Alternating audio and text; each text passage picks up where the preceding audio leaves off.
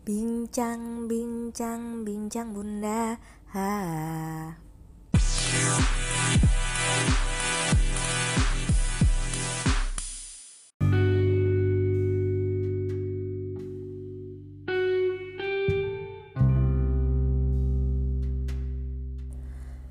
Move on itu bukan perkara mudah, apalagi kalau kenangan yang tercipta begitu indah.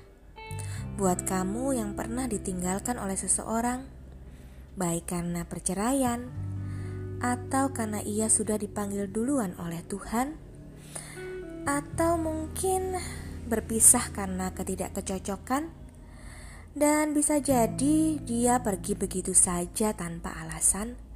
Kamu perlu dengerin podcast episode ini untuk tahu gimana sih caranya move on dari dia yang pernah ada di hati dan ada di sisimu.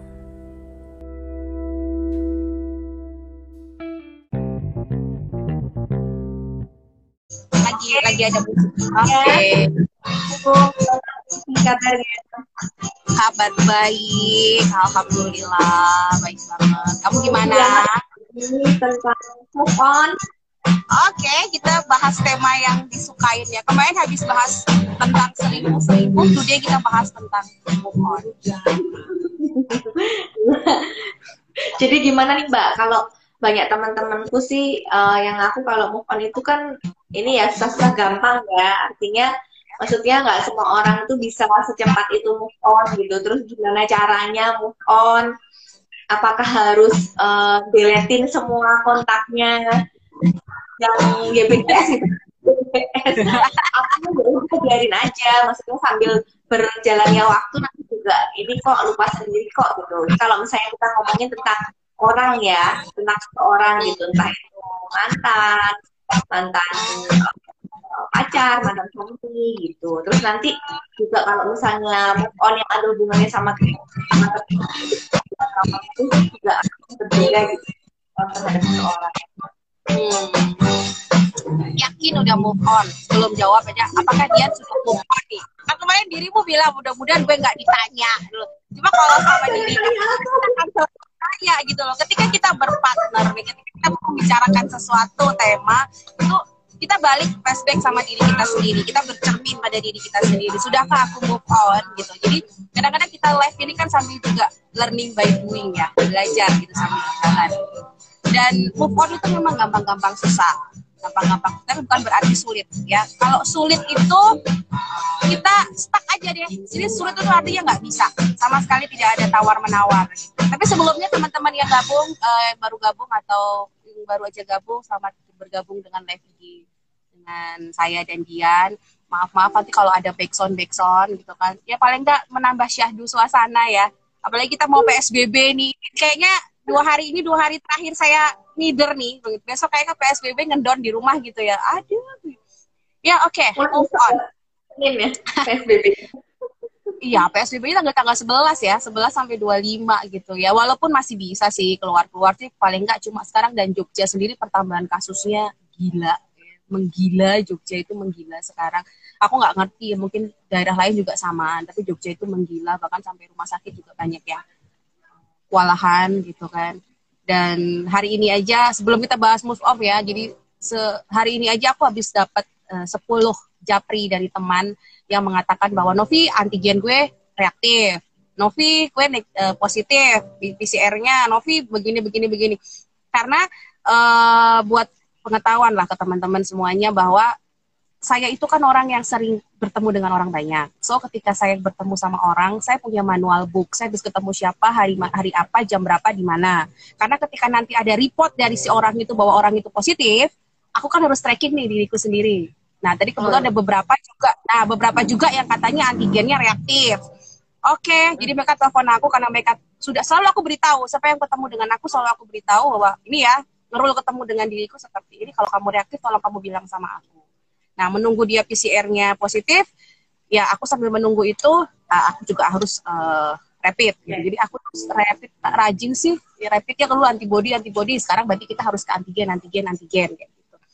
ya begitu mudah-mudahan teman-teman di dunia maya ini sama-sama sehat begitu juga Dian ya karena punya anak kecil juga ya harus jaga-jaga kesehatan apalagi Dian kalau dia udah jarang keluar ya kalau di Jakarta ya lo di Jogja ngidel terus sekarang di Jakarta jarang keluar ya berarti ya jadi masih aman-aman lagi oke okay, kita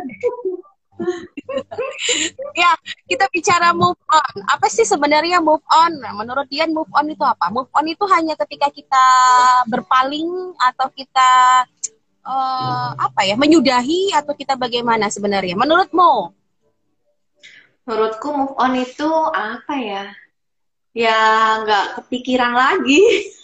itu kalimat yang sering gampang diucapin ya move on dong gitu loh move on dong. Mereka anak anak muda itu seneng bilang move on dong gitu kan. Sebenarnya move on itu apa sih gitu kan?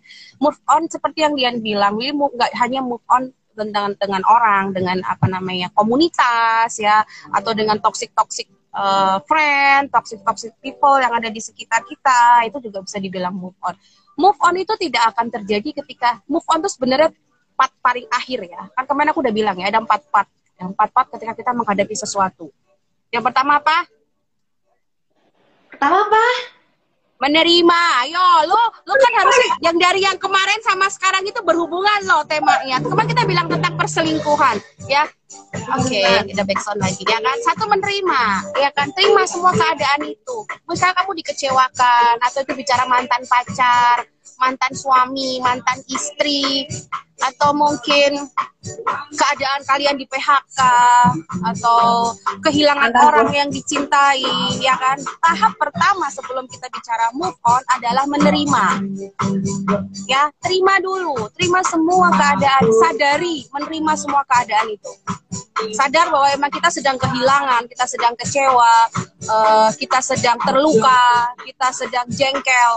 Terima dulu. Nggak bisa ketika kita habis putus move on ya no. Nggak bisa. Ya habis itu habis putus sama mantan pacar lah. Kita bicara buat teman-teman yang belum menikah. Atau mungkin habis cerai. Eh, habis cerai sama pasangan. Atau mungkin habis kehilangan orang yang kita cintai entah beliau meninggal atau bagaimana gitu. Kita aja bilang move on ya seng sabar yo. Klise itu. You know ya itu nggak bisa gitu nggak bisa. Ada part-partnya move on sabar itu sangat mudah diucapkan. Tapi sangat sukar untuk dilakukan. Benar nggak? Ya kan? Jadi arti pertama adalah menerima dulu. Terima semua keadaan yang ada di sekitar kita. Yang sedang mengecewakan dirimu atau yang apa pun lah kejadian jelek itu terima dulu. Setelah keterima yang kedua apa diam maafkan yes ya terima ya kan? Maafkan. Memaafkan. Setelah diterima memaafkan ya terima memaafkan. Yang ketiga baru kita mencintai. Novi keadaan jelek kok harus kita cintai? Kita balik ya. Segala hal yang kita cintai segala hal yang kita sayangi kita lakukan dengan rasa cinta rasa sayang hobi kita itu akan terasa lebih enak. Jadi walaupun kita kehilangan ya kan kita terima kita maafkan kita cintai keadaan itu setelah itu semua baru kita berterima kasih dengan semua keadaan itu. Baru yang terakhir move on jadi move on itu bukan sesuatu yang tiba-tiba kita, kita kehilangan move on ya say, begitu. Move on dari Hong Kong lo bilang gitu. Iya kan? Move on dari Hong Kong lo bilang gitu. tiba-tiba kita habis put, habis cerai sama pasangan kita bilang move on bilang gitu kan. Seenak itu aja orang bilang bilang gitu. Nggak bisa. Empat tahap sebelum move on itu tadi aja nggak bisa kita lalui sebulan dua bulan loh. Novi itu nggak apa-apa no. Nggak apa-apa. Jadi gini ketika misalnya aku habis dikecewakan orang gue bisa move on dalam waktu satu minggu belum tentu Dian bisa melakukan itu dalam satu minggu. Sebulan mungkin setahun mungkin. Itu salah apa betul? Tidak ada salah yang betul dalam sebuah dalam sebuah uh, perjalanan kehidupan. Dan tidak ada sesuatu yang bisa dibandingkan antara hidup lo dengan hidup gue. Ya nggak? Tapi tahapannya tadi itu. Empat tahap itu dilalui baru kita bicara move on. Setelah move on itu ada lagi gitu loh apakah kamu hanya mau berhenti di move on ya doang? Ya kan? Orang banyak bisa sampai move on loh. Tapi nggak bisa do it. You know? Jadi ketika ya ketika habis move on lu harus tahu. Ini ketika aku sudah move on udah berpindah udah selesai gue mau ngapain? Jadi ketika move on tuh nggak selesai setelah move on lu mau ngapain? Lu mau melakukan apa? Ya kan? Artinya ketika move on lu jadi sesuatu yang baru nih. Jadi pribadi yang baru nih. Ya? Terus kejawab ya artinya tahap-tahapannya. Buat teman-teman tadi tahap-tahapan untuk menjadi move on itu nggak bisa seperti mudah membalikan telapak tangan ya jadi ada tahap empat per yang pertama adalah menerima tadi. Menerima itu nggak mudah loh. Ya nggak? Jadi ketika ya kalau keadaannya membahagiakan orang bisa menerima gitu loh. Dengan senang hati. Tapi kalau keadaannya tidak seperti yang dia harapkan menerima itu nggak mudah. Seperti suatu uh, situasi covid seperti ini. Lebih banyak yang menerima atau banyak yang mengeluh? Mengeluh ya kan? Mengeluh kan? Dan ketika kita mengeluh kita ini dia habis diskusi dan aku habis diskusi ini sama uh, ownernya warung beli itu tentang bagaimana bicara tentang COVID, bicara tentang jadi gini, ketika COVID begini ini kita harus pandai-pandai memilah ya, seperti kita harus membaca jurnal yang mana, mendengarkan berita yang mana, me membuka media sosial yang mana, harus mendengarkan info yang mana, itu harus pandai-pandainya kita. Ya, jadi sebenarnya tuh COVID itu ya, psikis juga yang harus kita serang. Maka dia, yang diserang dia tuh lebih parah psikisnya tuh. Ketika psikis udah diserang semuanya wow. Nah makanya aku bilang tadi situasi COVID ini yang pertama ketika bilang move on dong, move on dong nggak iso. Yang pertama harus menerima dulu. Nggak semua orang bisa menerima loh kondisi ini. You know ya, dia menerima nggak? Kalau dia mah senang-senang aja habis tadinya long di stand, tiba-tiba terus uh, uh, uh, gabung ya tiba-tiba gabung sekarang ditungguin, gitu kan? Sudah ada yang bantuin ngasuh bintang ya kan? Dulu kan lu sendiri merasa seorang diri. Nah makanya kalau siap-siap kalau live sama gue gue tulitin loh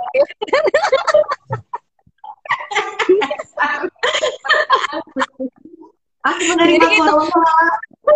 iya kan? Gue menerima lah kondisi ini harus kayak begini kan? Begitu. Aku juga tidak menampik awal-awal awal-awal corona gitu. Aku sempat uh, manusiawi ya gue manusia gitu loh bukan robot gitu ya. Gue juga sempat why harus datang sekarang gitu loh? Aku kita nggak tahu gitu kita nggak prepare gitu kan. Semua jadwal yang sudah tersusun rapi aja berantakan gitu kan. Banyak hal yang harus diadaptasi gitu kan. Tuh satu bulan awal aku satu bulan merasa wow wow wow wow dan wow gitu. Tapi ketika akhirnya oke okay, gue nggak sendiri ya kan. Seluruh dunia merasakan ya kan gue nggak sampai di fase aku harus kehilangan orang kesayangan satu demi satu. Walaupun aku kehilangan beberapa temanku dengan secara mendadak karena covid juga sedih gitu kan. Tapi yuk wow aku harus mensyukur. Nah di tahap penerimaan itu setiap orang akan syukur. menerima apa dia? Menerima maafkan mencintai uh, say thank you baru move on. Setelah move on you mau duitnya apa Nah, terus tadi bicara, Mbak Novi ketika misalnya udah move on, perlu nggak dihapus kontaknya kalau itu berhubungan sama orang ya, berhubungan sama mantan pacar, dihapus kontaknya, di blok media sosialnya atau bagaimana? Teman-teman mau tahu, saya tidak pernah menghapus kontak mantan pacar. Media sosial juga tidak pernah saya blok. Masih ada, masih kontak, masih kontak. Ya, karena aku berpikir begini. Nggak punya pengalaman buruk kali.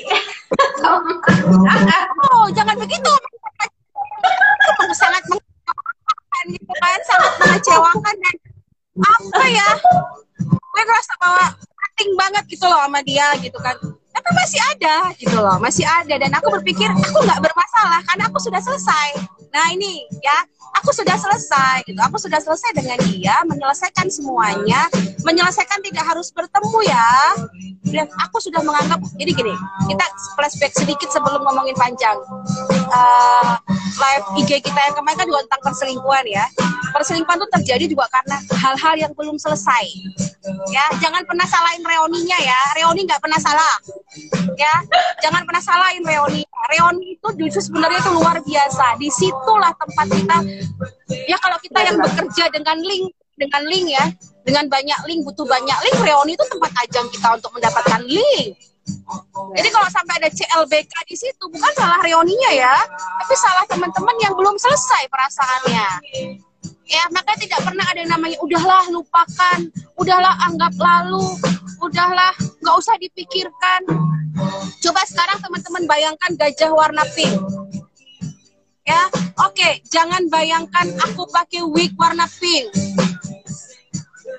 Kenapa ketawa dia? ya kan? Jadi makin sesuatu tuh dibilang suruh lupakan, lupakan itu justru malah itu akan diingat sama otak kita gitu. Oh, gitu ya.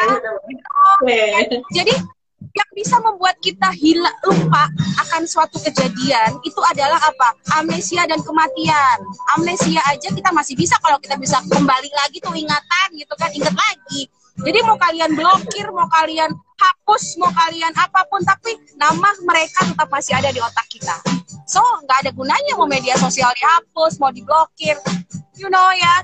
Jadi ketika dia tanya perlu diblokir nggak mbak? Ya situasional. Andanya gimana? Kalau saya tidak perlu memblokir karena saya pikir saya sudah selesai. Mau ketemu dengan dia mau makan siang saya makan siang juga masih makan siang. Kalau pacar pacar saya yang lalu kan ada jauh di Sumatera asal jadi nggak akan ketemu kalau kecuali gue balik ke Sumatera gitu kan. Tapi kalau yang di Jogja ya gue masih hubungan ketika ada project yang harus bareng ya gue nggak baper gitu. Ya udah tapi gue ada project bareng sama lu. Ya udah tinggal aku izin sama suami. Boleh nggak? Ya next juga. Mantan pacar suamiku juga bekerja di satu instansi yang sama dengan dia di satu fakultas yang sama sama dia di satu prodi yang sama sama dia. Ya kan? Orang banyak yang bertanya orang banyak yang bertanya Novi lu nggak baper? So udah selesai kok. Ya jadi begitu tak perlu diblokir kalau aku sih nggak perlu diblokir nggak perlu harus di delete kalau kitanya udah selesai ya nah, permasalahannya begini kita tuh kadang menyepelekan yang namanya perasaan. Perasaan itu harus dikenali. Ini sebenarnya rasa kecewa, rasa dendam, apa posesif, apa sebenarnya nggak mau kehilangan.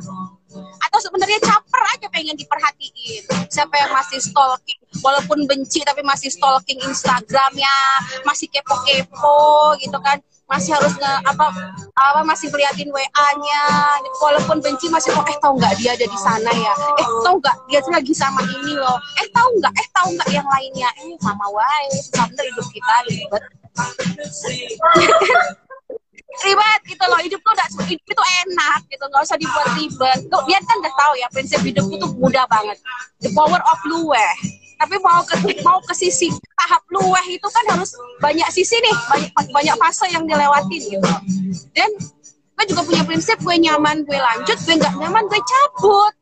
Itu aja sih itu prinsip paling enak gitu loh. Gue nyaman gue lanjut. Gue nggak nyaman gue cabut. Dan pasti yang intinya kalaupun itu bicara tentang toxic people gitu ya pun aku harus mendelet satu persatu nggak apa-apa.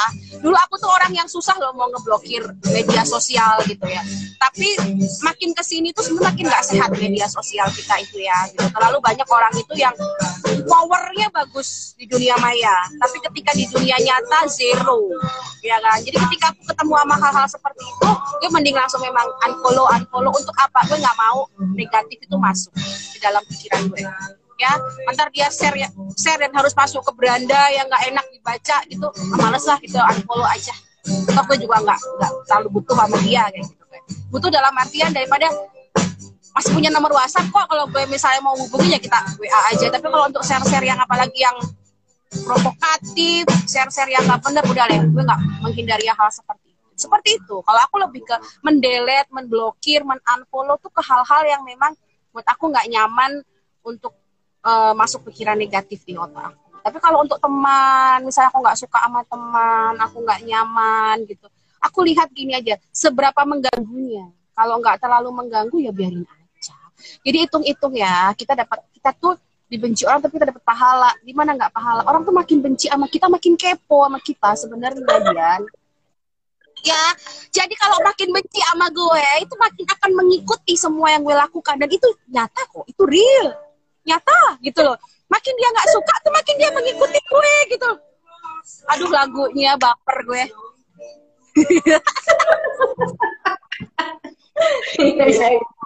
Iya bener sih. Nah kalau ada yang kayak gitu gimana? Semakin kita apa pingin lepas tapi kayak ya itu mau masuk terus ke pikiran atau malah jadi kayak muncul-muncul terus nih orang perasaan gitu bisa. Gimana dia semakin kita benci orang ya. Nah, semakin ah. jadi gini makin kita ya tiba-tiba. Ah. jadi makin kita mem benci orang itu sesuatu ngerti ya? Benci dan cinta itu tipis ya setipis benang. Makin lu cinta sama orang makin lu mikirin dia ya makin lu benci sama orang makin lu mikirin dia juga. Itu berita buruknya. Jadi harus kayak gitu Mbak Novi gitu kan. Ya makanya yang sedang-sedang saja ya. Ketika lu mencintai seseorang jangan kasih lah 100% cukup 90% 10 persennya untuk apa no manusia itu dinamis terkadang kita bisa cinta terkadang kita bisa kesel jadi 10 persen itu adalah kita siap-siap ketika suatu saat ini kita nggak cocok sama dia ya jadi nggak terasa kecewa banget tapi ketika kita membenci orang pun jangan kamu kasih 100%. 90% atau 80% cukup lah. 20 per 10 sampai 20 persennya untuk apa? Kalau someday ya kan? Lu butuh dia. Ya kan? Lu bisa tahu bahwa sebenarnya aku salah ternyata apa namanya uh, memikirkan tentang dia. Ternyata sebenarnya dia baik walaupun caranya seperti itu. Jadi makanya ketika membenci atau mencinta jangan 100% jangan lu kasih semuanya. Ya. Terus ketika dia bilang terus gimana mbak? Ketika misalnya nih uh, kita apa namanya hmm, udah benci nih tiba-tiba ketemu nih terus kayak gimana.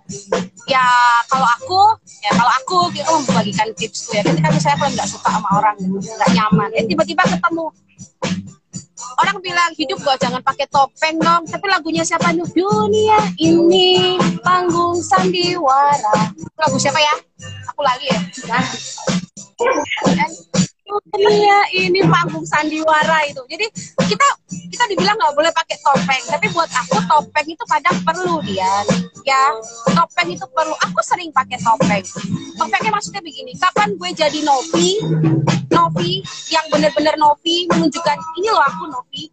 Kapan gue harus jadi Bunda Novi? Yang disebut orang-orang itu Bunda Novi Mak Novi gitu kan. Kapan aku harus jadi Bu Faidila istri dari suamiku gitu kan nah kapan aku itu harus aku terapkan ketika aku ketemu sama orang-orang yang gak aku sukai dan itu aku tidak bisa mengelak. Ya aku harus jadi orang lain dong. Kalau mau jadi orang lain aku harus jadi benar-benar hai halo. Just itu aja. Itu bentuk kedewasaan kita loh. Ketika kita ketemu dengan orang yang kita nggak suka tapi kita yang bisa di atas memanage emosi kita itu bentuk kedewasaan kita jadi kalau aku pun terpaksa ketemu orang yang aku yang memang aku lagi nggak senang gitu, aku lagi nggak nyaman, itu aku selalu tetap ketika set, mata tatapan mata atau bahkan ketika dia yang menghindari aku, aku yang akan menyapa dia. Hai, halo, apa kabar? Cukup itu, eh. Sama nggak ketemu ya, hanya itu aja. Nggak mau basa-basi yang lain. Artinya gue satu kosong loh di atas dia, kayak gitu. Itu memuji diriku sendiri sih, bukan sebagai sebuah pertandingan, no ya paling gak aku kan meriwet tuh. Gue itu harus loh jangan menghukum diri sendiri terus. Reward dong dirimu reward dalam artian eh gue bisa gue bisa gue bisa. Bisa dalam artian bisa gue mengendalikan emosi gue sendiri bukan menang atas orang lain tapi menang atas diri kita sendiri. Gitu. Begitu Dian. Aku tuh seneng ya kalau live di sini. Aku bisa jadi prosesnya lumayan panjang juga ya. Padahal kan menerima sendiri tuh butuh waktu memaafkan juga butuh waktu gitu kan apalagi sampai berterima kasih sama keadaan tersebut itu kan nggak mudah ya. Um, oh iya. Nggak nggak mudah. Orang kalau dibilang yang namanya gini hasil itu terakhir tapi proses ini yang menyenangkan. Nah proses ini yang adalah tempat di mana orang tuh bisa apa enggak kayak gitu kan. Hasil itu terakhir saya hasil itu sangat terakhir tapi proses ini yang butuh ya kan. Nah mie instan aja harus dimasak ya nggak? Mie instan itu kan nggak bisa lu beli dari supermarket langsung lu makan. Mau lu masak dulu atau lu kasih air panas doang itu kan juga proses. Sama juga dan apalagi ini proses kehidupan yang nggak bisa uh, satu menit dua menit jadi.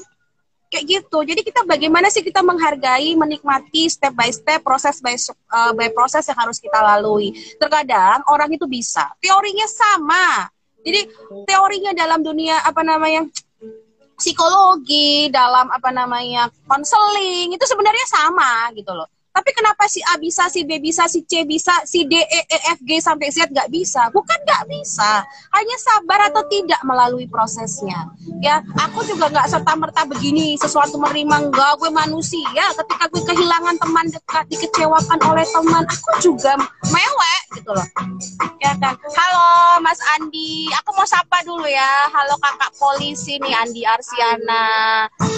Aku boleh ya sapa-sapa dulu. Ada Mbak Puan Jelata, Mbak Ineke, siapa lagi nih say? Kita sapa-sapa dulu nggak kayak kita ini uh, uh, partner berdua doang, padahal dia ada yang dengerin gitu kan. Terus ada Mbak Anita, halo Mbak Anita, ada Felis, ada Mbak Novi Yulia Ekasari. Uh, ya beginilah.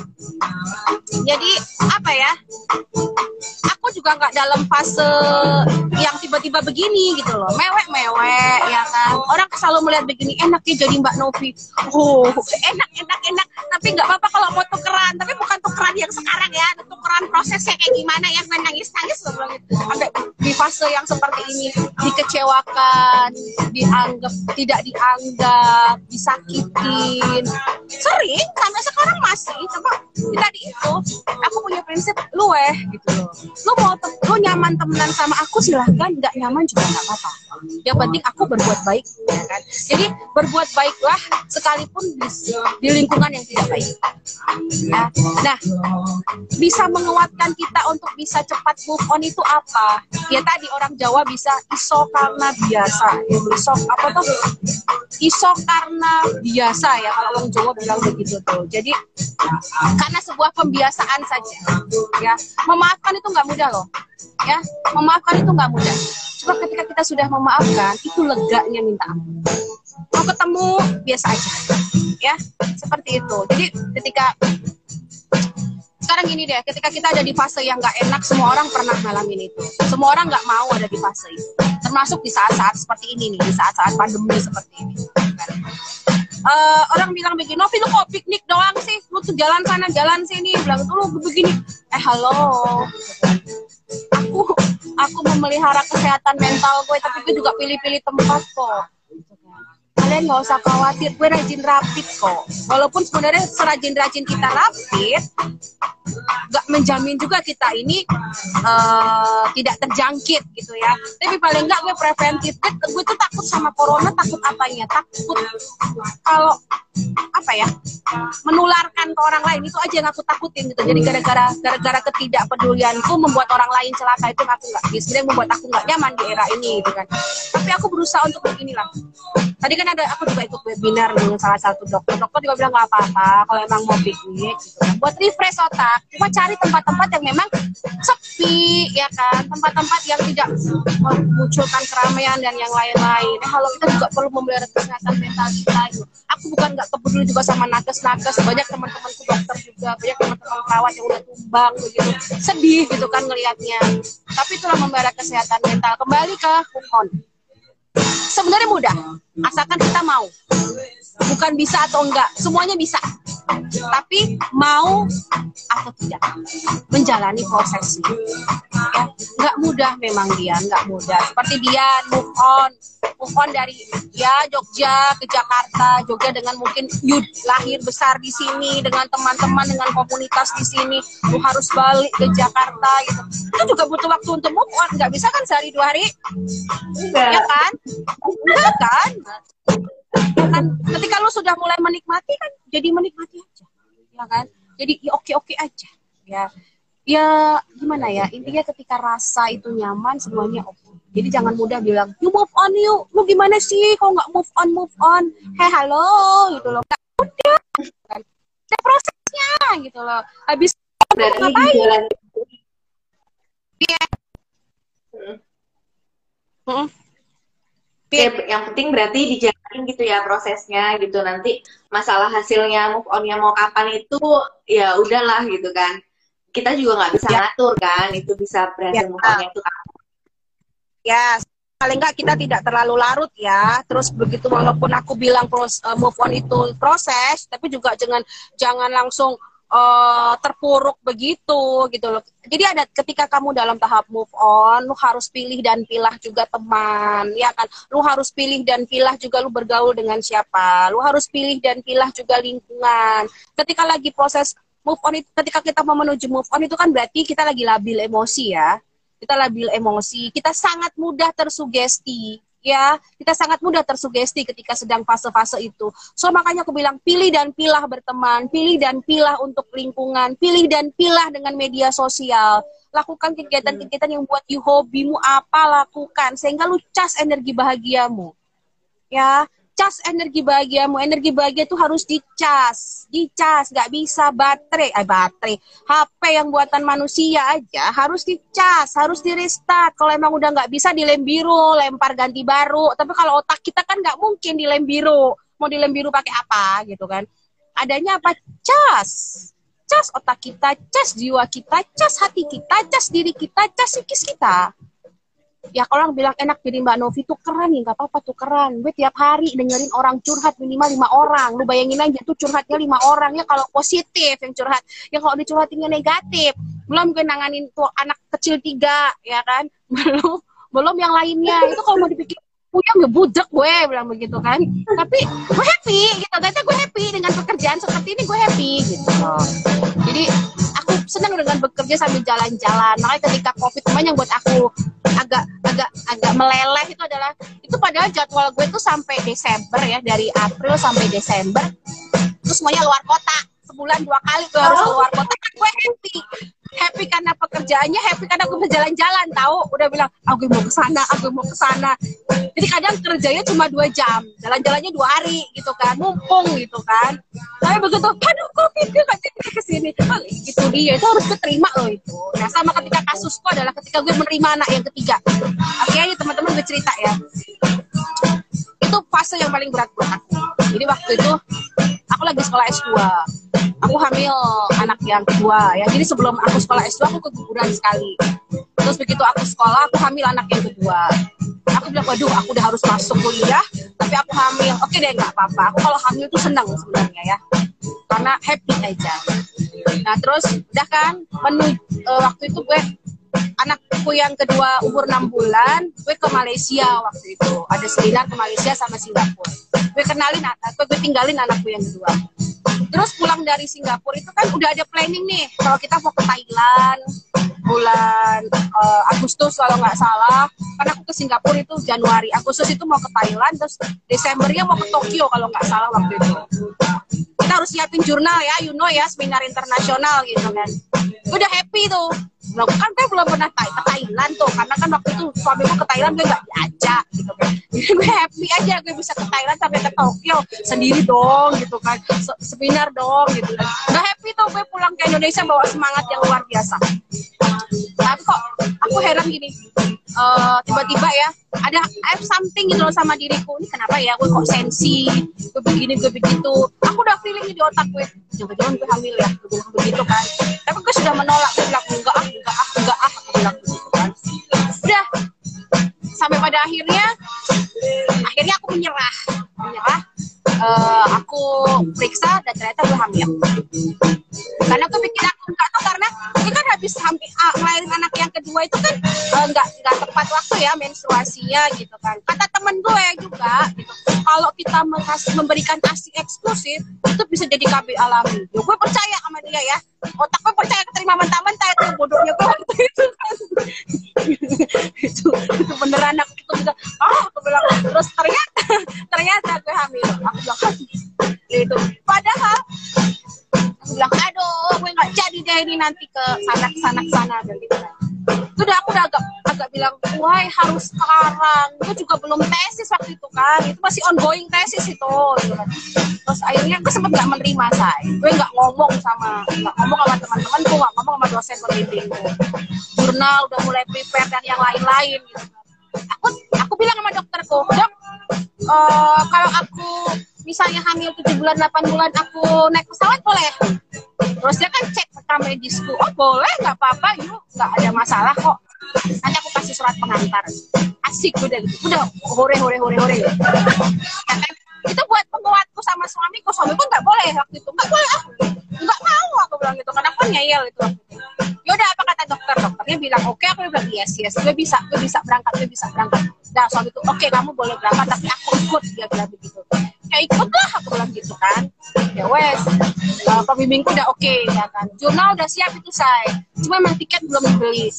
Tapi namanya Tuhan Allah maha maha adil ya yang selama ini gue hamil nggak bermasalah. Yang ketiga nih tiba-tiba ya setelah jurnal jadi lu mau tahu tiba-tiba ada flag ya ada flag. Aku periksa aku bilang no. Dok katanya boleh. Aku bilang begitu kan. Lo tapi seperti ini no. Ah si dokter nih aku bilang begitu kan. Nggak apa-apa lo aku nggak apa-apa lo nggak boleh. Gitu kan. Mana bilangnya di depan suamiku? Kita tambah gue nggak boleh kan? Terus aku bilang aku mau ke dokter yang lain. Pindah tahu tiga dokter. Sama-sama semua no mbak. No. Ya sudah itu aku seperti hancur berantakan. ya wow aku bilang begitu kan terus aku dengan bilang sama dosen pembimbingku e, pak uh, aku nggak bisa berangkat. Kenapa? Begitu. Terus aku bilang ini sudah Novi nggak apa-apa. Nanti uh, di lain kesempatan. Di lain kesempatan kapan pak? Emang aku selalu lulus berapa tahun? Aku bilang begitu kan. Kalau aku nggak jadi mahasiswa kan aku nggak bisa ikut seminar. Aku bilang begitu. Nggak apa-apa Novi. Nantilah pasti ada jalannya. Suatu saat pun nanti kalaupun kamu udah lulus nanti kamu pergi bareng aku lah untuk seminar begini-begini. Oke okay lah aku bilang begitu. Tapi aku masih belum menerima dia masih belum bisa menerima waktu itu. Ada penolakan ada banyak hal yang aku tolak.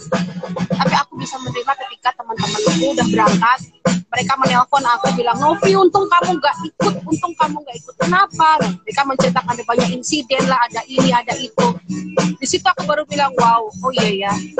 Kalau aku ikut aku akan merepotkan mereka semua gitu mereka akan menjaga aku mereka akan akan lebih protek dengan aku dan aku akan menyusahkan mereka terus ketika aku balik ke diriku pribadi anak ini nggak salah loh aku mikirnya begitu jadi aku punya orang jargoni belajar psikologi ya kan? Nguplak-nguplak psikologi tapi mentalku nggak sehat gitu kan? Gue bisa jadi orang yang jargoni waktu itu kan? Bisa hujan tapi bisa ngelakoni yang gitu. Akhirnya di situlah tahap aku menerima ya kan? Aku aku menerima semuanya. Aku meminta maaf ya kan? Termasuk dengan anakku janin dalam kandunganku aku meminta maaf ya kan itu aku lakukan semua saya pada akhirnya oke okay, mungkin tidak saat ini. Aku sampai Thailand aku sampai Tokyo. Bukan salah ini anak dan di situlah ketika sudah tahap menerima itu ya lebih lega lebih lega artinya jadi jangan dipikir aku nggak dalam fase-fase seperti itu. Ya aku dalam fase-fase seperti itu. Ketika mau menikah dengan suamiku juga aku ada di fase yang ah, harus memilih waktu itu. Mau memilih berangkat ke Prancis atau memilih menikah jadi aku ada di fase berat waktu itu gitu kan. Kalau gue berangkat, gue nggak jadi nikah. Padahal gue pacaran 8 tahun gitu kan. Tapi kalau gue nikah gitu kan, gue nggak jadi ke Prancis. Cuy, aku bilang pada waktu kan gue, ya gue waktu itu kan S1 ku bahasa Prancis ya. Yang nggak pengen nyampe Prancis gitu loh, ada fasilitas gitu kan. Tapi ya sudah dia, gitu kan, ya sudah. Dan itu aku menerimanya butuh uh, waktu dan butuh proses, saya nggak bisa serta merta gitu loh terus banyak hal lah. Aku ada banyak di fase-fase yang seperti tapi aku menikmati gitu loh. Orang itu hidup itu kadang di atas kadang di bawah.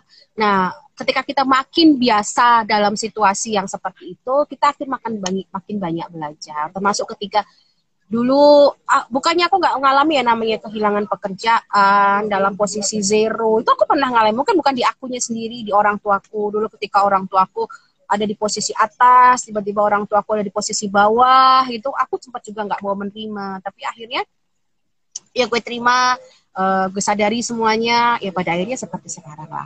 Hidup itu diambil enaknya aja, ya. Mau tadi itulah kalau misalnya nyaman lanjut, nggak nyaman cabut. Kalau belum mau cabut, ya kalau nggak nyaman ya ditinggal ngopi dulu lah gitu kan. Makanya kan lu jarang lihat gue mewek, ya kan? Lu jarang lihat gue mewek. Kalau lu kan dikit-dikit mewek, gitu kan?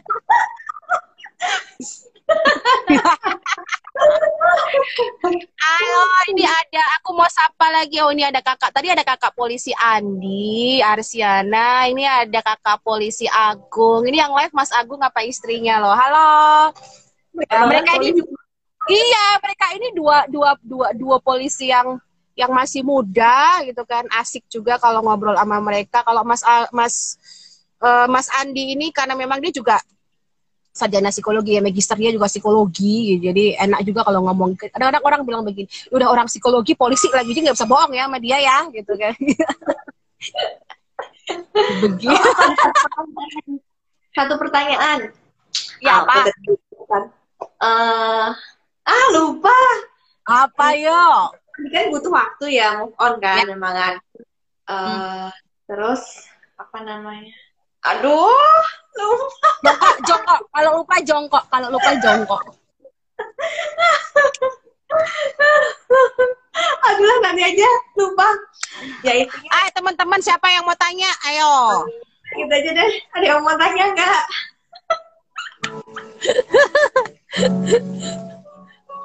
apa tadi? Ingat-ingat lah apa lu mau tanya apa.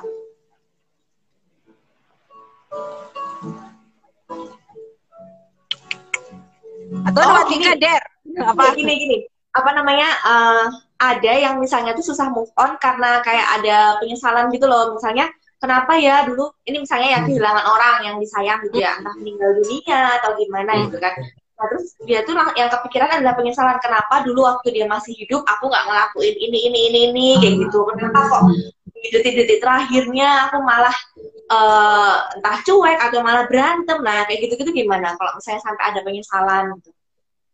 Kalau penyesalan hidup dan oh, okay. yang VS sudah meninggal gitu ya. Yang pertama adalah doakan dia. Maafkan dulu dirimu. Bahwa memang iya tetap di fasenya sama sih Dian, fasenya sama gitu loh. Karena semenyesal apa pun kita tidak akan mengembalikan waktu ya. Tidak akan mengembalikan waktu di mana kita bisa bertemu sama dia. Ketika kita sudah terpisah jarak dan waktu dengan beda dimensi, hal yang bisa kita lakukan adalah berdoa untuk dia. Lo boleh menyesal atas menyesal.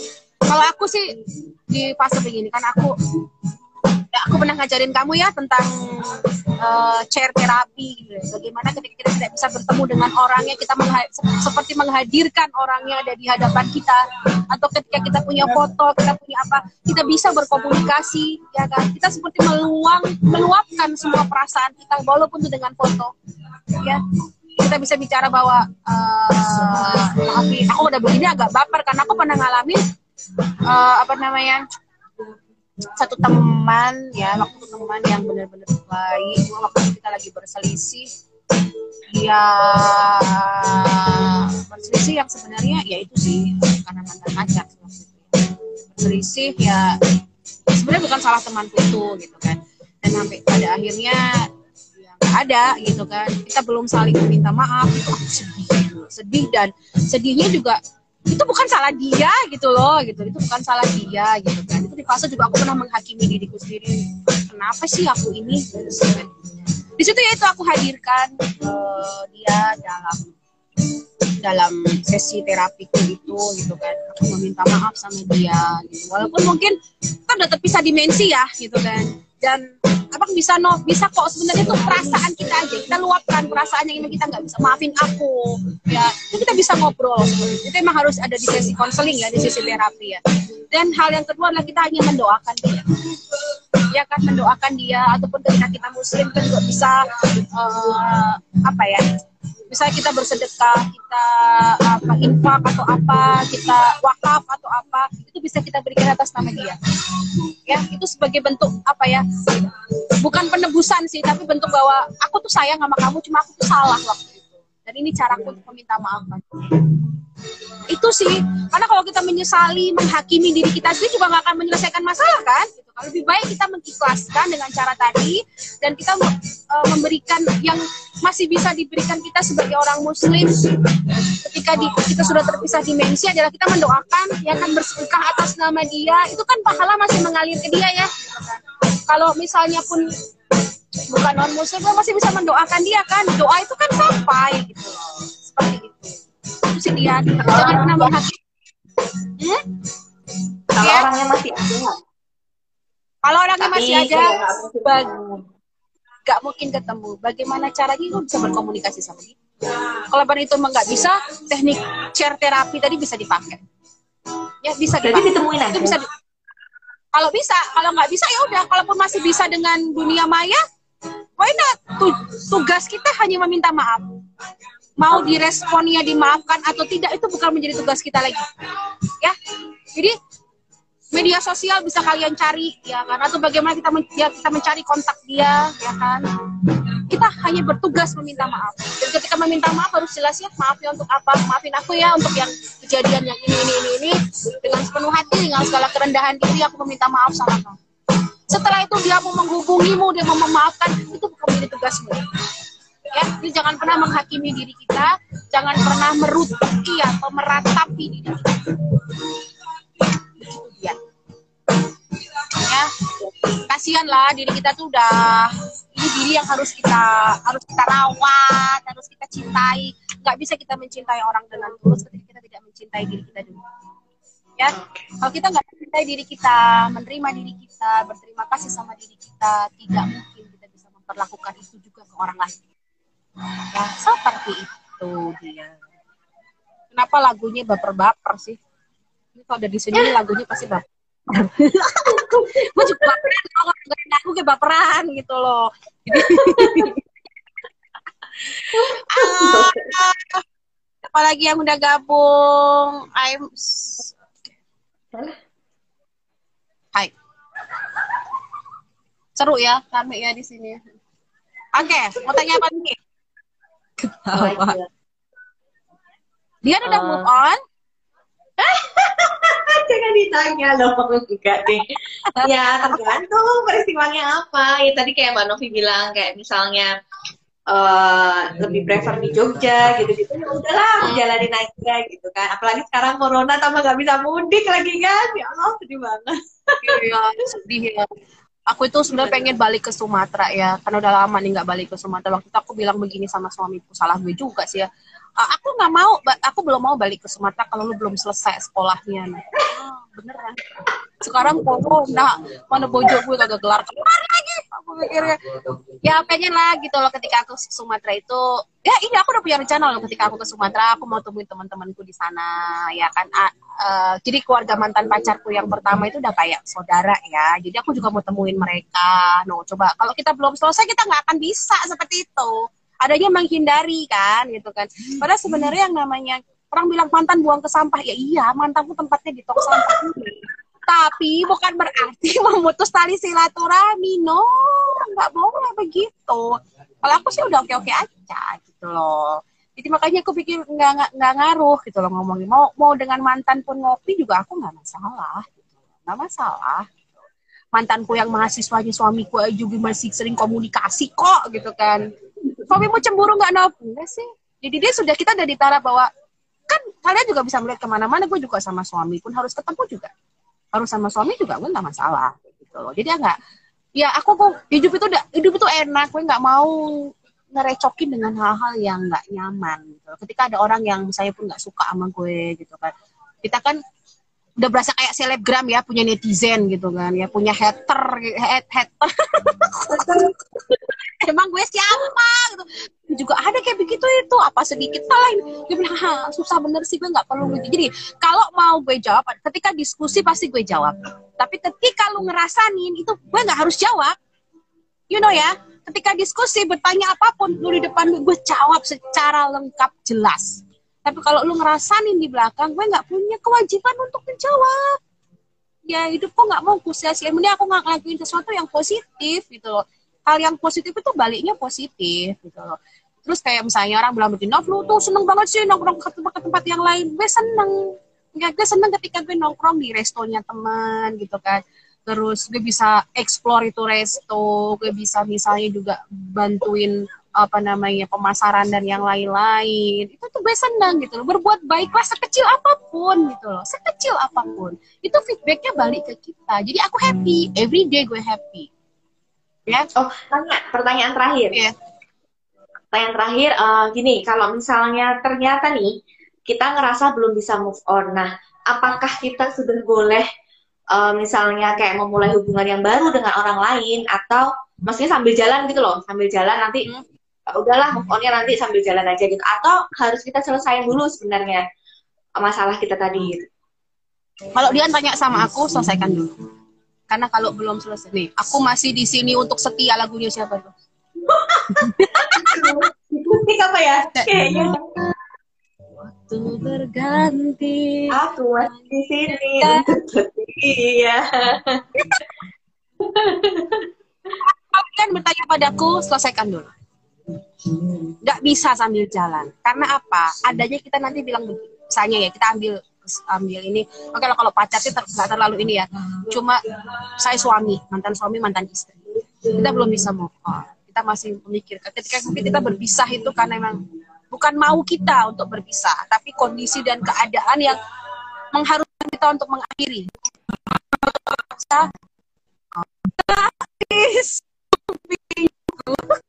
takutnya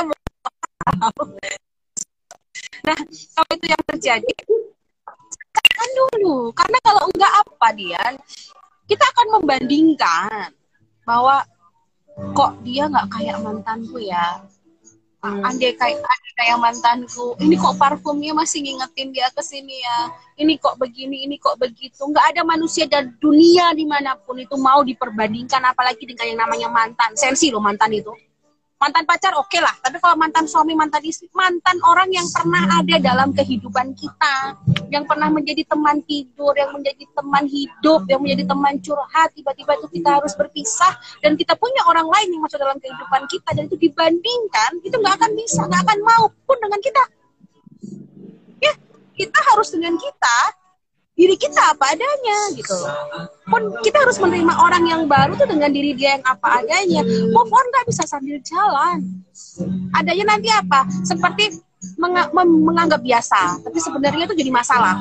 Itu numpuk numpuk numpuk numpuk numpuk pada akhirnya jeglek seperti dan tidak pernah tergantikan. Ada banyak banyak orang yang salah begini. Novi aku nggak mau nikah lagi mungkin ya karena ada satu teman aku nih ya yang aku buat aku dia Wonder Woman. Kadang-kadang aku pikir dia bilang e, mak kamu hebat. Dia selalu bilang bahwa aku mak hebat mak Novi hebat mak Novi begini. Enggak aku bukan siapa-siapa. Justru aku mengidolakanmu lo aku emang siapa mak? Saya kalau aku jadi kamu belum aku belum tentu aku kuat. Ya. Karena apa? Aku orang yang sangat bergantung pada pasangan walaupun orang bilang gue bisa mandiri gue bisa ke mana-mana sendiri gue bisa ngapain sendiri gue bisa bebas. Tapi aku yang selama 8 tahun gue pacaran 10 tahun gue menikah sama suamiku artinya 18 tahun gue mengenal suamiku gitu, dari pacaran sampai bersuami aku tuh nggak pernah ditinggal jauh. Ya paling waktu itu dia pernah kerja di Purwokerto yang kita harus LDR terus dia waktu itu ke Thailand sekitar 4 bulan 6 bulan berapa bulan. Itu tapi kan bukan langsung benar-benar pergi kalau ini kan benar-benar memisahkan jarak dan waktu dengan dimensi yang lain. Ya kan? Aku, kuat jadi dia gitu. Dan tapi mak lu hebat. Lu yang hebat gitu bilang. Aku belum bisa kayak. Ya. Tapi terus akhirnya dia karena emang mendadak ya suaminya meninggal itu waktu itu. Suaminya meninggal itu mendadak. Dan sampai sekarang dia belum mau menikah lagi tapi orang-orang di sekitarnya bilang begini, kamu jahat kalau kamu nggak mau nikah lagi. Kasihan anakku tidak bisa dapat sosok ayah. Aku bilang, sableng ya orang yang bilang begitu. Aku bilang, aku bilang itu kan, mak terus aku harus bagaimana? Aku bilang, say, aku bilang sama kamu ya, kalaupun kamu memang butuh waktu untuk menghadirkan atau membuka hatimu untuk laki-laki lain, wajar. Jangan hakimi diri kamu masih mau menikmati hati-hati uh, hatimu, dirimu itu untuk almarhum. Enggak apa-apa. Sampai di satu waktu kamu siap untuk melepaskan almarhum, semua kenangan dengan almarhum untuk menerima orang lain. Tapi satu catatan, tidak pernah bisa ada orang yang menggantikan posisi almarhum. Almarhum tetap almarhum di hati. Ketika ada orang lain yang datang, itu bukan menggantikan, tapi memang ada orang lain yang Tuhan tambahkan dalam perjalanan hidupmu. Bukan menggantikan. Salahnya orang tuh bilang, gantiin, lupain. No, nggak bisa. Nggak bisa. Almarhum kalau Iya. Mereka itu salah. Apa Jadi pasangannya indah, baik itu ah, masih salah lagi kan yang kamu harus Iya, laki-laki yang sangat baik, laki-laki yang sangat bertanggung jawab gitu kan. Bapak yang sangat kebapaan, tiba-tiba Allah panggil dengan tiba-tiba gitu kan. Ya siapa sih yang bisa menerima? Aku pun mungkin nggak bisa. Nggak kan sekuat itu gitu kan. Tapi itu salahnya orang. Nggak bisa dia gitu loh. Pasangan hidup itu nggak jadi gini dalam dunia psikologi kehilangan harta kehilangan pekerjaan itu tak seberapa dibandingkan kehilangan pasangan kehilangan pasangan hidup itu menjadi satu uh, peringkat pertama stresnya seseorang. Kalau yang normal bisa digantikan dalam waktu sebulan dua bulan. Emang lu pikir hati itu apa?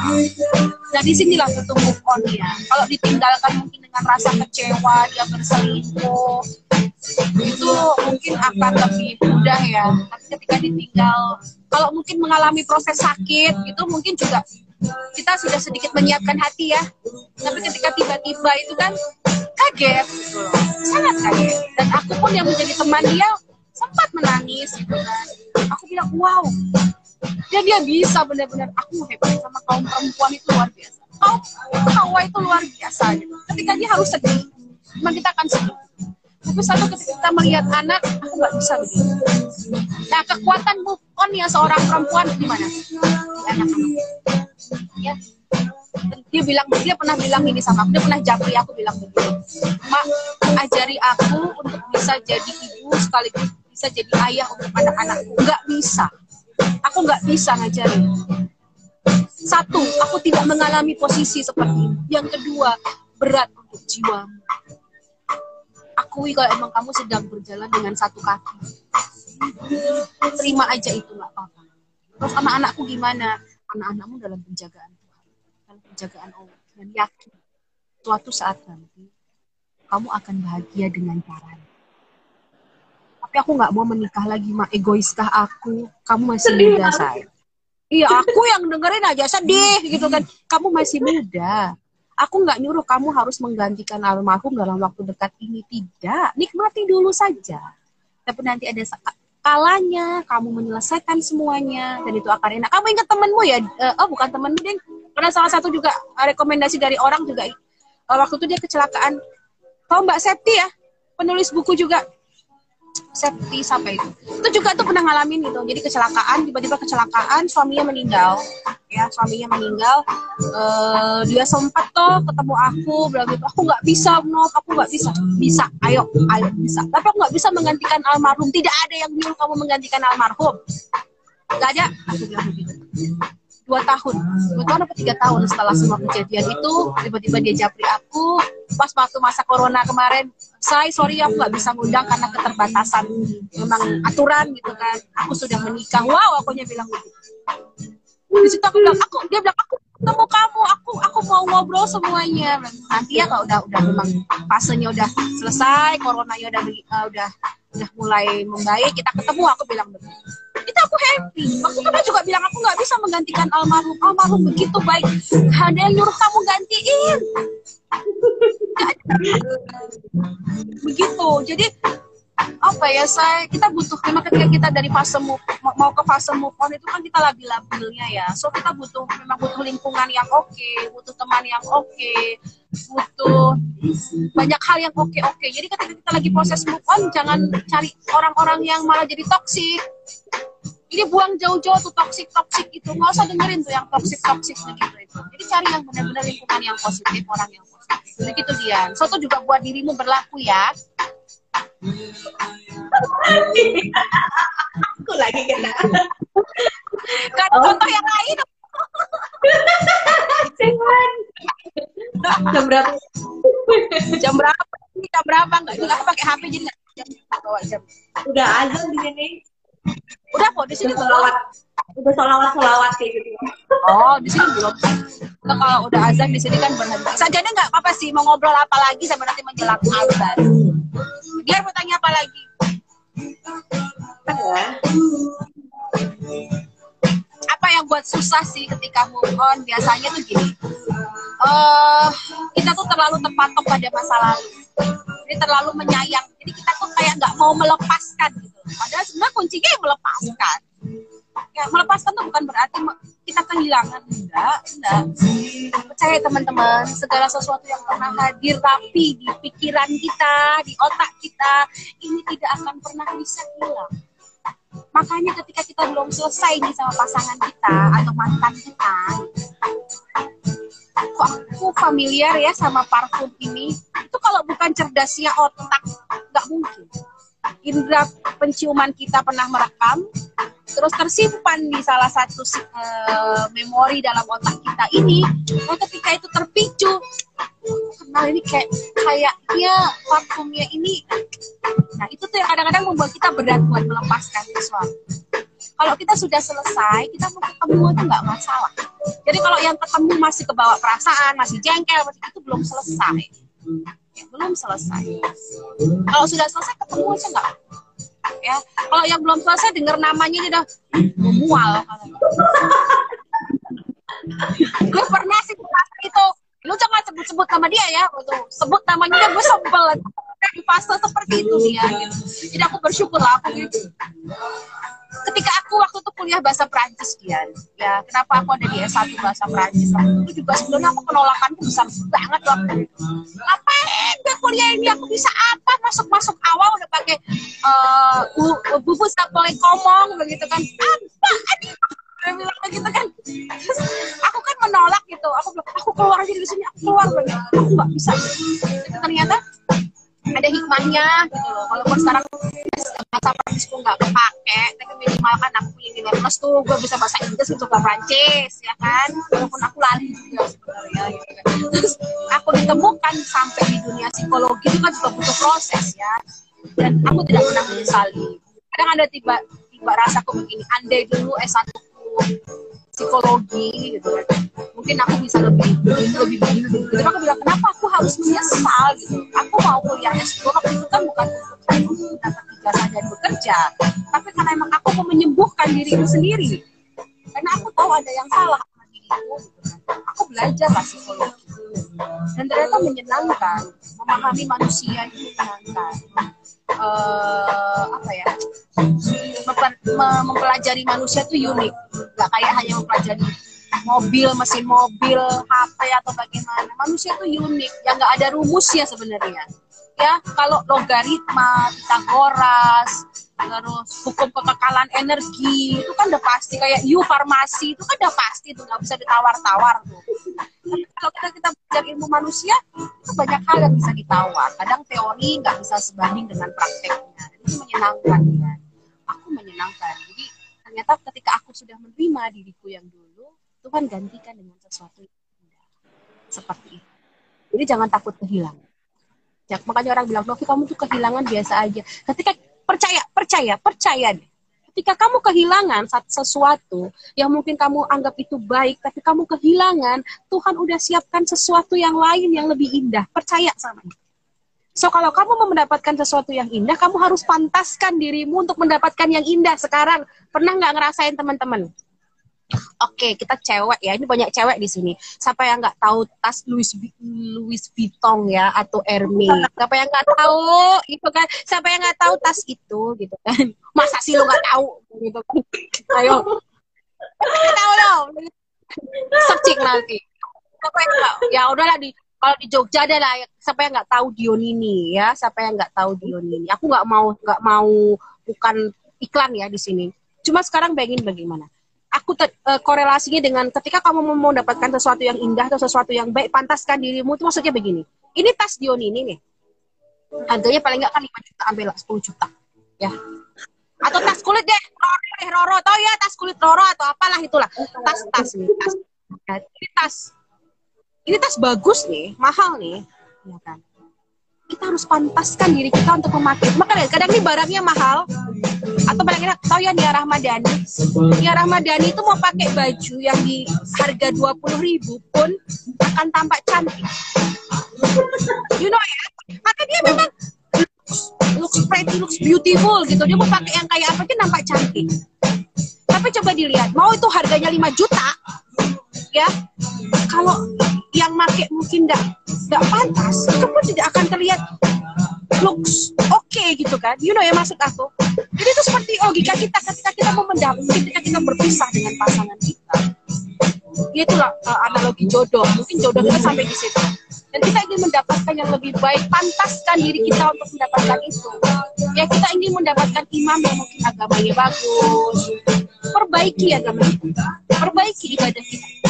Itu maksudnya jadi analog dengan analogi baju analogi Nia Rahmadani analogi tas Hermes tas Louis Vuitton dan yang itu seperti itu lo tahu bule itu pakai tas yang yang kayak tas pasar itu yang lagi heboh itu.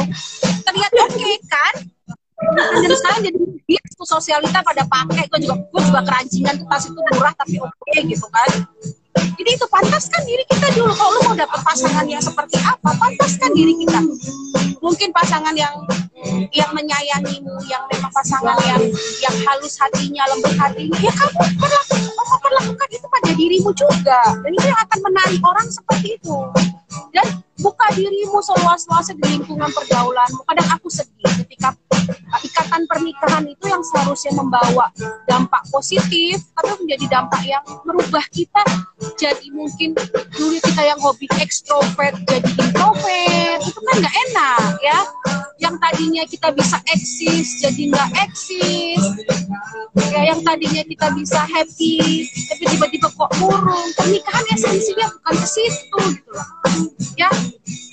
Jadi ketika kita selesai mungkin hubungan dengan orang gitu ya kita ketika kita memang sudah beri waktu untuk membuka diri nggak usah kesusu yang namanya kesusu itu nggak enak ya. Jadi beri waktu beri jeda buat diri kita untuk rehat ya kan untuk relax. Ketika kita mau melangkah maka tadi aku bilang setelah di fase move on itu nggak berhenti di move on aja. Setelah move on lu mau ngapain begitu dia dan teman-teman Kembali kasih.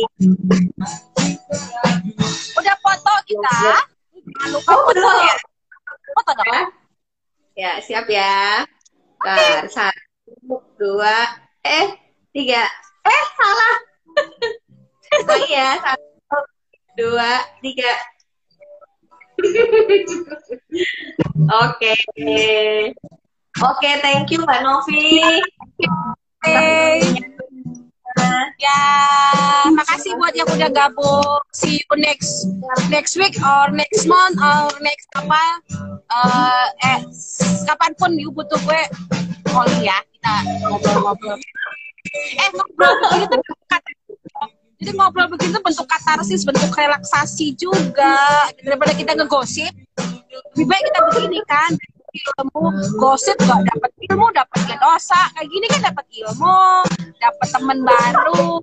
Gitu.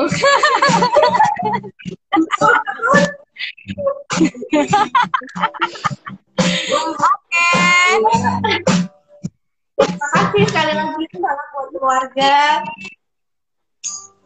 Dadah. dadah. Waalaikumsalam. Dadah semuanya